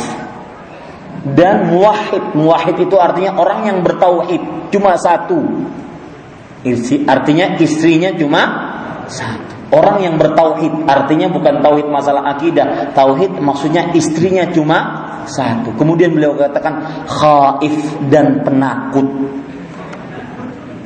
Beliau kemudian mengatakan, pasti kalian wahai para dai semua di hadapan para dai 350 dai senusantara yang hadir. Dan yang di dari Banjarmasin Kalimantan Selatan kita bertiga, Ustaz Aiman, saya dengan Ustaz Khairullah hafizahumullah taala. Pasti kalian mengira takut saya takutnya di situ adalah takut kepada istri. Maka saya katakan tidak. Saya tidak takut kepada istri, tapi saya katakan saya takut kalau beristri dua, saya tidak akan mudah berdakwah sebagaimana semestinya. Ada yang nyeletuk, itu alasan pian aja syahai. Takutan jual kalinya. Para ikhwan yang dirahmati oleh Allah Subhanahu wa taala, saya ulangi sekali ini. Sebesar khianatmu terhadap istrimu, sebesar gugur cinta sucimu terhadap dia. Maka pada saat itu yang ada adalah ketemu istri tidak suka. Ketemu istri pasti bertengkar. Tidak ada yang bisa diharapkan cinta dari istri. Karena sudah busa, sudah munyak dengan istri. Ada ada tumbuh di dalam dirinya tidak suka terhadap istri. Dan ini musibah. Musibah besar. Dan itu langkah syaitan. Lihat Allah berfirman, "Ya ayyuhalladzina amanu la tattabi'u khutuwati syaitan." Wahai orang yang beriman, jangan engkau ikuti langkah-langkah syaitan. Fa innahu ya'muru bil fahsya wal munkar. Syaitan itu memerintahkan kepada perbuatan fahsya. Fahsya itu adalah segala macam yang berkaitan dengan syahwat yang diharamkan, termasuk di, di dalamnya mengabari, berhubungan, komunikasi dengan wanita-wanita yang bukan mahram untuk sebuah keperluan yang bermesra-mesraan di dalamnya. Makanya para ikhwah, orang yang suka menjelalatkan matanya kepada wanita yang diharamkan, pasti gugur cinta sucinya kepada istrinya. Ya, itu dijamin sudah, sudah pasti. Maka saya sering ceritakan cerita kawan saya Ustaz Firanda Hafizullah Taala. Beliau pernah suatu daerah ke sebuah daerah kemudian panitia itu tersebut nakal. Nakal dalam artian mungkin ada niatan baik, mungkin. Ustaz, di dalam kamar ada seorang perempuan, ada bapaknya. Silahkan lihat. Kalau berkenan nikahi. Kalau tidak berkenan, tidak jadi tidak mengapa. Lihat aja. Nuh, mungkin kayak itu kayak Pak. Beliau mengatakan kada. Ndak. Karena din kalau anak lihat pasti anak suka. Namanya laki-laki melihat perempuan. Dan sebesar pengkhianatan kita terhadap istri kita yang halal, maka sebesar itu gugur cinta suci kita. Makanya para ikhwah, walaupun sudah jadi kain ini, tapi kalau matanya masih terjaga dan itu tujuan menikah. Itu tujuan menikah, terjaga mata, terjaga kemaluan, maka mereka tetap akan harmonis bergandengan. Meskipun ubanan, meskipun kain ini, cucu 12. Tapi kalau masih memanggil sayangku ini. Subhanallah. Indah kan? Baik, kita cukupkan dengan kafaratul. Memang sudah kisah kayak ini cagat beratan mata. Nah, ini ada pertanyaan belum? Ada seseorang yang selalu berbicara poligami. Poligami terus sampai capek yang dibicarakan. Dan yang dibahas itu terus di setiap kesempatan. Memang tidak ada yang salah dengan poligami. Tapi apakah hal tersebut mengumbar-umbar pembahasan poligami dapat menyebabkan rasa nikmat terhadap istri yang ada menjadi berkurang. Sekarang berdampak terhadap keharmonisan rumah tangga akibat selalu berkhayal perempuan-perempuan lain terkait poligami. Para ikhwah, saya sering berpesan poligami dan ini sudah saya bahas dalam satu dua dua jam kira-kira kajian. Poligami bukan penghancur keluarga. Maka ketika anda berbicara tentang poligami, itu jangan dijadikan sebagai sebuah kelezatan. Sedikit-sedikit bicara seperti itu. Kalau ingin lakukan, kalau tidak maka jangan jadikan sebagai pembicaraan yang terlalu berlebihan. Ingat baik-baik bahwa semua hal itu pasti ada torofani wa. Semua hal pasti ada sisi kanan yang paling ujung kanan dan paling ujung kiri. Semua kanan dan ujung kanan dan ujung kiri ini semua pasti tercela. Yang yang baik adalah pasti pertengahan. Begitulah juga dalam membicarakan poligami, membicarakan perempuan lain. Dan saya setuju bahwa yang seperti ini akan mengurangi keharmonisan kita dengan istri. Dalam artian membicarakan yang seperti ini terus menerus tidak ada aksinya. Ah, Kak Saiful. Ya, kada ulun mengiopian mana Ya, nggak ada aksinya. Ini tidak akan ya bagaikan orang yang berhayal kemudian dia tidak dapat ya dan para saya pernah mengatakan kepada waktu itu dalam kajian judulnya poligami bukan penghancur keluarga. Silahkan cari di YouTube insya Allah ada. Saya katakan orang yang berpoligami dan Syekh mengatakan waktu di daur Syekh mengatakan bahwa orang yang berpoligami itu seperti hukum nikah. Hukum nikah itu berputar padanya lima hukum Islam. Bisa wajib, bisa mustahab, bisa makruh, bisa haram, bisa mubah, boleh. Dan itu semuanya dijelaskan oleh beliau dengan rinci, begitu rinci. Kayak ini para ikhwan yang dirahmati oleh Allah. Jangan apalagi pembicarakan itu di hadapan istri. Sedikit-sedikit ancamnya poligami ya kada hilang jerawat di pipi aku poligami apa itu Alhamdulillah ya Bagaimana hukum dalam Islam dan bila beka, dalam Islam bila bekerja menjadi salesman? Maka jawabannya tidak mengapa. Kan salesman itu dalam bahasa Arab artinya adalah uh, mandu uh, di dalam hadis ada hadis uh, ada disebutkan dalam hadis Rasulullah SAW tentang uh, wakil wakil dari uh, perusahaan. Simsar. Dalam hadis simsar. Simsar itu adalah wakil dari perusahaan. Kalau dia hanya sebatas wakil maka tidak diperbolehkan. Akan tetapi kadang-kadang ada orang yang menjual barang yang dia tidak menjadi wakil bagi seseorang. Dan dia tidak punya barang. Ini tidak boleh Mungkin yang bertanya ini adalah berkaitan dengan bahwa salesman itu tidak punya barang. Karena Rasulullah SAW berkata kepada Hakim ibnu Hizam radhiyallahu anhu, "Ya Hakim, la tabi' ma laysa indak." Wahai Hakim, tidak boleh engkau menjual barang yang tidak kamu miliki. Nah mungkin orang ini bertanya, salesman itu kan tidak punya barang, yang punya barang adalah perusahaannya. Maka kita katakan dia simsar atau mendub dalam bahasa sekarang, wakil dari perusahaan tersebut untuk menjualkan barangnya. Dengan terjualnya barang dia mendapatkan untung dan di samping untung dia juga mendapatkan gaji dari perusahaan. Wallahu alam.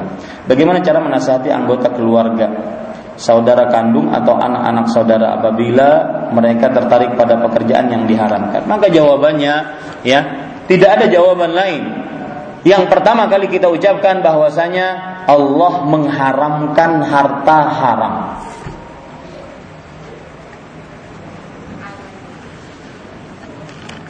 Ya. Penyebab harus diakui. Mohon maaf saya mengatakan ini. Akibat kebodohan jauhnya manusia dari agama Islam, akhirnya mereka tidak faham bahwa pekerjaan ini haram. Dan itu penyakit pertama seseorang terperosok ke dalam harta yang haram. Bahkan yang ajib di zaman sekarang, yang haram jelas-jelas haram diharamkan dalam Al-Quran. Seperti matahari di siang bolong, diselewerkan, diselimpangkan menjadi halal. Bekerja di bank konvensional, haram. Itu seperti matahari di siang bolong, nggak bisa ditolak sudah riba. Yamhaqullahu riba wa yurbis sadaqat. Allah menghancurkan harta riba dan membanyakkan harta sedekah. Wa ahallallahu al-bai'a wa harrama riba. Allah menghalalkan jual beli dan mengharamkan riba. Pinjam meminjam yang diambil keuntungan darinya riba jelas itu.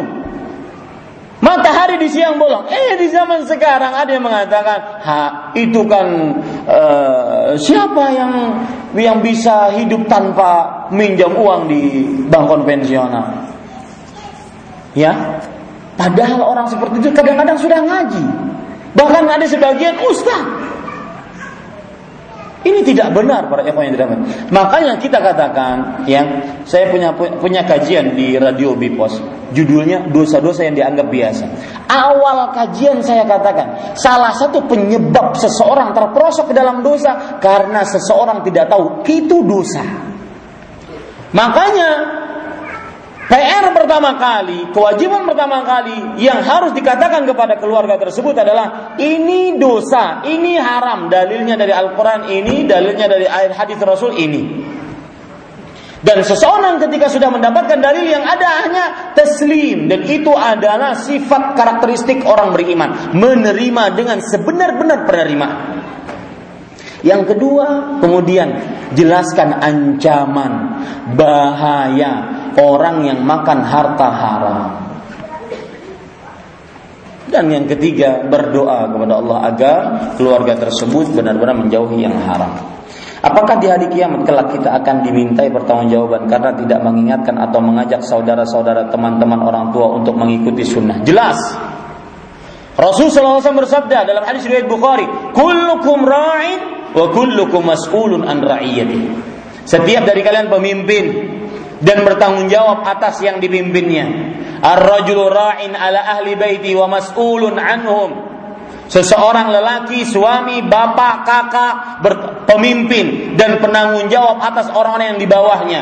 Wal mar'atu ra'iyatun fi baiti zaujiha dan seorang istri adalah pemimpin di rumah suaminya wa an auladihi dan pemimpin atas rumah tangganya anak-anak suaminya Wahia mas'ulatun anhum dan ia akan bertanggung jawab atasnya. Dalam hadis riwayat Imam Bukhari yang lain, Rasulullah SAW bersabda, "Ma min muslimin yastar'ihi Allahu ra'iyya yamutu yawma yamutu wa huwa ghashin lira'iyati illa harrama Allahu alaihi jannah." Tidaklah seorang muslim diberikan kepemimpinan pada hari dia mati dalam keadaan dia menipu keluarganya dan salah satu bentuk penipuan kepada keluarga adalah tidak mau mendakwahkan keluarga atau tidak mau mendakwahi keluarga. Para ikhwah kadang-kadang sebagian orang sudah putus asa duluan, sudah suudzon duluan. Ustaz, susah. Diajak untuk mengenal sunnah, susah. Mereka itu suka bid'ah susah. Ya akhi subhanallah. Bukankah lihat Nabi Musa alaihissalam diperintahkan oleh Allah untuk pergi kepada siapa? Fir'aun. Apakah keluarga kita sebejat Fir'aun? Sekafir Fir'aun? Sekeras hatinya seperti Fir'aun? Enggak. Tapi Allah mengatakan idhaba ila fir'auna innahu tagha faqulla lahu qawlan layyinan la'allahu yatadhakkaru aw yakhsha Pergi engkau berdua wahai Musa dan Harun alaihi salam kepada Firaun dia sudah melampaui batas ucapkan mereka kepada mereka kepada dia oleh kalian berdua ucapan yang lembut. Kekeliruan sebagian kawan-kawan yang sudah mengenal sunnah ingin ngajak ke keluarganya kepada sunnah Nabi Muhammad SAW lebih suka akhirat, lebih suka nuntut ilmu agama adalah pertama kali didakwahi menyangit-nyangit, menyalah-nyalahkan. Pian ini semuaan ahli bid'ah. Uh, siapa yang ketujuh gitu? Ya, siapa memadahkan? Ustad. Ustadnya siapa? Ahmad Zainuddin di mana? Ulun pulang nang kena. Ya, qaulan layinan yang di hadapan kita tidak seperti Fir'aun dan kita tidak sebagus Musa dan Harun alaihi salam. La'allahu yatadzakkaru aw yakhsha. Mungkin dia ingat hakikat dirinya, kemudian dia takut. Demikian. Ini yang bisa saya sampaikan. Waktunya sudah habis. Kita cukupkan dengan kafaratul majlis. Subhanakallah bihamdik. Asyhadu an la ilaha illa anta astaghfiruka wa atubu ilaik. Wassalamualaikum warahmatullahi wabarakatuh.